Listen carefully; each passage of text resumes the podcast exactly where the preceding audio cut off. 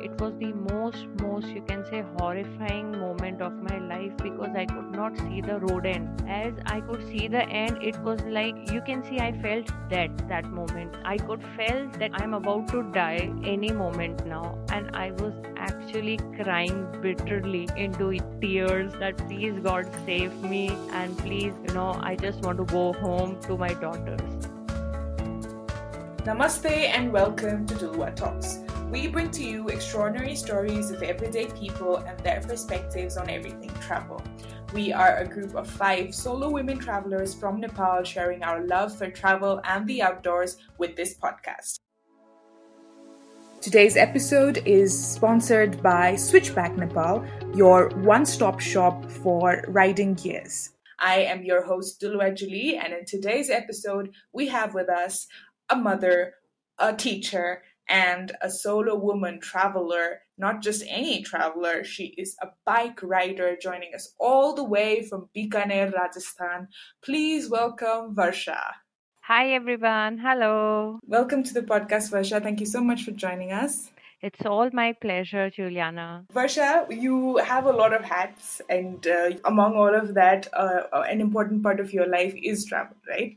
So, would you like to share a little bit about yourself, what you do, where you're from? Yeah, uh, basically, like uh, born and brought up in Jaipur, the capital of Rajasthan, and then I got married in Bikaner, which is even a smaller town and I completed all my studies after my daughter, first daughter. I did MTech and uh, BTech and then MTech. Yeah, I've spent all of my time with my kids only, and recently I've joined a convent school as a primary teacher. This is basically what I'm doing and who I am. Apart from this, I've been traveling since last five years, doing all kind of adventure possible. So like motorbike riding in mountains, climbing mountains, or rafting, or you can say desert rallies. Anything possible that comes my way, I do it. Right. That's so cool because for women in Rajasthan, it's a different story overall, right? We will get to that in the later part of the podcast. But to start with, I just wanted to know for a girl from Rajasthan who was born and brought up there and you were living there, how did you start riding bikes and where did the idea of riding bikes solo come to you? Like uh, my father, when I was 13, he taught me bike but then that was long ago. And once I was married and then I had kids, I was like all occupied with the all these uh, busy schedules. So I met a um, female rider who came to Bikaner when she was riding across the country for a cause. She was actually, you know, she made me realize how special I am and how special my passion and my dreams are. This is how after seeing her I started riding. Uh, would you say that it sort of reignited that childhood, you know, passion of biking? Yes, you can say that. Like when I met her for the first time and when I saw her uh, riding all over the places and then overcoming her depression and whatever the state she was dealing with, I myself also thought that I too can do this. Like when I can do this, why aren't I doing this? I mean, I know how to ride bike and when this uh, riding is my passion, so why not try, give it a try? So this is how I started riding solo. I know you've mostly traveled traveled around India. So could you just uh, tell our audience where have you been solo bike riding? Yeah, I so started uh, from like small rides. Uh, um, you can say like uh, firstly I went to Jaipur, then um, Jaisalmer, Ajmer, Udaipur. These are like uh, small rides I've covered all over Rajasthan, and then I started riding in the mountains. Uh, I've covered all of Himachal, most of the Uttarakhand, and most of the Northeast. And Kashmir, in Kashmir, I've covered Leh and Ladakh. The most, uh, you can say, the most tough ride was Spiti. So, Spiti and Leh are the dream rides of any biker. So, I've done both. That's amazing. That's amazing. Uh, do you have any like super memorable trip or something that any particular trip that has been the most memorable to you? I suppose all my trips were really memorable. You have like lots of memories attached to all your trips, but the most memorable was the Spiti circuit as it was the most challenging one for me. I um, usually uh, people do it in seven days. I did it in four days, and I I used to be on bike for like almost twelve hours. Even the road and the route, it was the most challenging one. I used to ride bike in the temperature you can say which was minus ten degrees also. So the Wow. conditions, the road, everything was toughest in my Spiti ride. Wow. That's that's incredible. I'm sure that was amazing and of obviously it was memorable. I was also thinking like when you talk about these challenges, were there any sort of accidents or anything like that that might have happened on any of your trips? By the God's grace, I had never met with an accident. I can see I've been lucky in this thing, but incidents, you can say, yes, there have been many incidents, uh, but I would like to share one from the Spiti circuit only. Like uh, that was the last day of my uh, ride. Uh, I had to uh, come from Kaza to Manali. The stretch is about like 250 kilometers or something like that. Ki- Kilometers are not much, but the route is the most difficult you can ever imagine. So I was there on the bike since last 12 hours, and as I reached uh, Rohtang Pass, I was like very happy, very happy. But I didn't know that the nightmare actually had to come after that. As soon as I reached uh, Rohtang Pass, I was on the road, tarmac road. Before that, I was uh, riding my bike on stones you can say big big pebbles. As you see near sea you must have seen those big pebbles. So Yeah. yeah so after 12 hours when i was on Rohtang pass it was a tarmac road. So i was really happy. But just half an hour after that because it was late in the evening it was around five thirty, six o'clock it was completely dark and there was some technical issue with my bike light so there was not enough light so i could see the road ahead. And it started snowing. Because uh, it was dark and there was no light i could not put the flap of my helmet i could not cover the face. Then i had to ride my bike open face and then snow was coming in front of me and i could not see the road. It was the most most you can say horrifying moment of my life because i could not see the road end. As i could see the end it was like you can see i felt that that moment. I could feel that i'm about to die any moment now and i was actually crying bitterly into tears that please god save me and please you know i just want to go home to my daughter. So that was the most uh, horrifying moment of my life. After 5 o'clock rohtang pass is closed. So there are no tourists also. So there was no one no human being around I was all alone coming down to Manali. I'm getting chills just listening to you and imagining this happening. I can only imagine how you went through this whole thing and you're here to tell us the story, right? That moment made me very stronger because I thought I saw death that moment.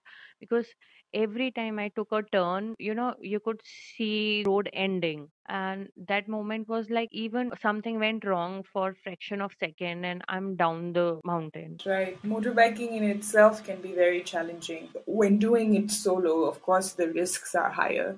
But it's really interesting how you say that these are the experiences that make you stronger, right? You mentioned that you just wanted to go back to your daughters, and we've said earlier that you are you are mother to three daughters. Um, I just wanted to know, like, as a mother of three daughters, and also you're a full time teacher in a school, how do you even like manage to plan these trips and to go on these solo bike rides? Once like you're determined to follow your dreams, then not, nothing stops you. Everything falls into place, you know, automatically. So whenever like as a teacher, if I have to go, I just have to apply for a leave and then I go. I don't think about anything. This is what I do. About my daughters, yeah, they play a very major role as like all of them are responsible now and they take care of each other and they support me for like for every ride I go. It was like they enjoy listening to all my stories when I come back. Initially, when I'm going, they are little sad, but then when I come back, they are so excited to hear my stories. So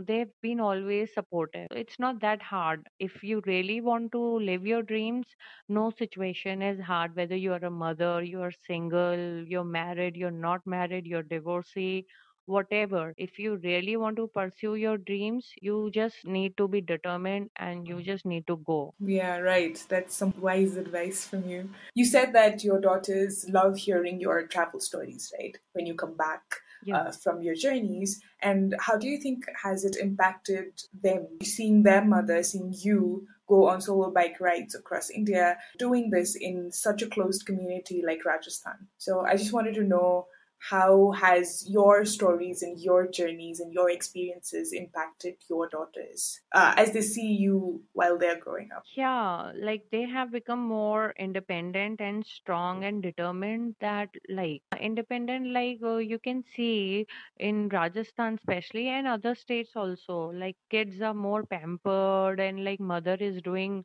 all the time no all the work. So my kids are really independent like they can do their own work they can cook. Whatever household words you can say they can do themselves they don't need me every time around them. You know this is what mostly happens in our society mother is like always running around kids. Even my little one she is just five and a half right now. So she also does her work on her own. This is how they have changed and going out also they've become more confident if they're going out and facing like whatever if they're going out for tuitions or their classes or anywhere. So they feel more confident. Yeah, for sure. And that's very important at, at such a formative age as well, I think, be it for girls or boys or any any children, to have to have experiences and to have real life role models like yourself, you know, empower them to become more independent. Even personally, I grew up seeing my mother travel to various parts of the world and travel across Nepal for her work. She didn't do it uh, fro- just out of pure passion, but she mostly went for field works but she would come back with all these stories of how the west is different from the east and that really encouraged me to go out and to explore it for myself and that's how i got started on my solo travel so i can totally totally get that your girls are also very inspired by you and to have your own mother as your most ideal role model that's that's the best thing that you can have i think. So you're this is a great thing that you're doing Varsha. it, it just it really touches my heart. Yes, same here. Like, uh, even I feel so good when I see my daughters being inspired. Now, uh, you know, when you talk to other people, like mostly girls are not talking to pursue their dreams or like, okay, uh, what my daughters are always talking are they really want to go and explore the world now. They want to really see how the world is, how beautiful the world is. hmm So when they talk yeah with their friends, so uh, they have more knowledge because they listen to my stories and how you know how I deal with my problems. So they are more experienced in their age group now. Right. And if I'm not wrong, you took your oldest daughter with you on a trip as well, right? Yeah, she's she's been with me for three trips. Uh, one was a group, you can say we were five friends. So uh, I took my daughter along, and the other two were completely solo, me and my daughter. in our society, I think when we see someone from the West who is on their gap year right after high school, but is like traveling around India or traveling around Nepal by themselves, it's such a normal thing. But for someone from our own society to do something like that at a younger age is not very much well looked. Like it's like it's risky. There are it's not safe for women, and there are so many things that come across. Which brings me to my next question: like, how does your family and your society perceive you traveling like this and travel and not just traveling solo but also riding bikes across uh, india Talking about my family, initially it was very difficult to make them understand why I'm doing this, but gradually they've they've seen me growing. So now they all are supportive. So even my husband or like daughters, have, as I've told you, they've always been supportive. But yeah, my husband and my father, mother, parents, siblings, Initially, everyone was really worried, and they used, especially not to ride bike because it is really risky. They used to tell me, "Why, when you have three daughters, why are you, you know, risking your life out there in the mountains? We are not going to come to know if something happens to you." But then slowly, uh, when they understood why I'm doing this, I'm living my dreams, I'm happy with this. So now they have they are supportive. When you talk about about the society, See, society, as you know, Rajasthan society is very conservative. They have rules and regulations. And when we are talking about society, it is not to 10, 20 people. It is like you're talking about whole mass of people around you with different beliefs, with different customs, with different rules and regulations and foundations for girls and women. So I actually don't bother what they are thinking. Uh, I've received a mixed uh, response uh, all around society that includes also my workplace, uh, criticism as well as appreciation. People appreciate me. Some people criticize me on my face. Some people criticize me behind my back some people appreciate me in front of them so it's it's a mixed response from everyone but that doesn't matter actually. I really don't bother what people are talking about me. I utilize my energies to live my dreams and to love my daughters so i really don't care what people are talking. I think, in a way, what you're doing is rebelling against what all these restrictions that our society keeps, especially on women, right? I remember uh, you last time we had a conversation. You mentioned about how in our society, for women to do something, like for you to go on a trip, you have to ask for permission uh, to do it, right? Could you explain that? Like in uh, you can see that everywhere. It's not only in rajasthan. You see around you can see that around the um, i suppose around our whole country men expect women to seek permission to do anything they want okay? So this thing is what i really don't support. I don't agree to when men can do anything without seeking permission they can go out they can do whatever they want like going out with their friends or uh, living their dreams or anything what they want. Then why as being a partner or a daughter or uh, see uh, i would like to say here partner only. Right now i'm in such a situation. So why do i need to ask permission? It should be equal. This is what um, i don't agree to seeking permission and then living your dreams. So I, Right, I i usually inform my parents and my husband that i am doing this. I never ask permission now. Initially yes things were different. But now since last 5 years i've been following this rule. And also i am you know encouraging more and more my friends all those who are in the same situation that please change your perspective people are not going to change for you. You have to change now. So bring a change in the society.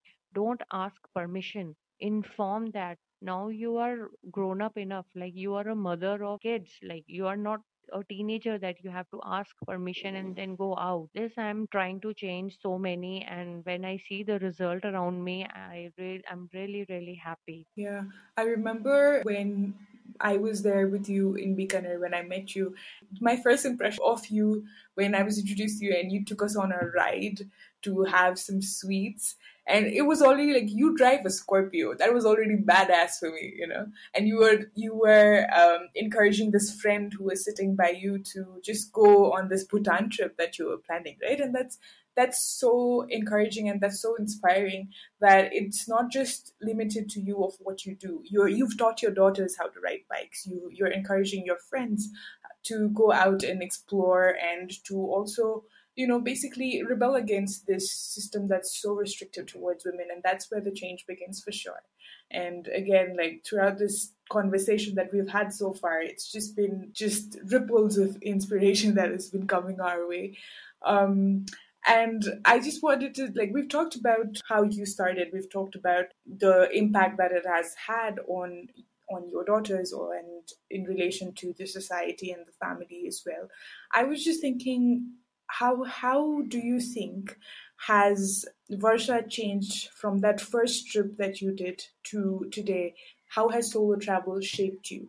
Solo traveling has like completely changed me and completely changed the perspective of my life. I feel more confident as I had never ever felt before. With each solo trip, I add more to my personality with all new experience. You know, when I go for my solo trips, I have to deal and I have to make decisions which, you know, improvise me every time. So, solo traveling has made me more independent and also improved my decision making power. So, I can judge people now before uh, my first solo trip i was really innocent you know i've, I've never ever done a train trip i've never ever been on a train so first time when i had to do my uh, biking trip in dehradun uh, i was there in a train and i was literally crying i was that scared sitting there all alone i was into tears कि क्या होगा कैसे होगा how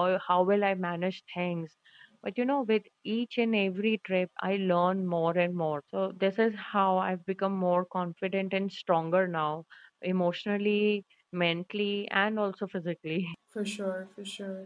And when I met you again, like I did not think that you're the mother of three in the first place because you're so fit. And we met at a gym, so uh, we were doing all these acrobat stuff together, and just you're you're just a huge huge inspiration to me Varsha. that's the reason that we invited you for the, to this platform because we wanted more listeners we wanted more people to to hear the story we don't hear these kind of stories of women like you from the Indian subcontinent much in terms of solo travel in terms of women traveling in the world out there, right?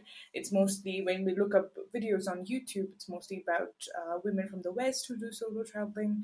Um, there are some in this this area who are starting to bloom as uh, travel vloggers and bloggers and all of that.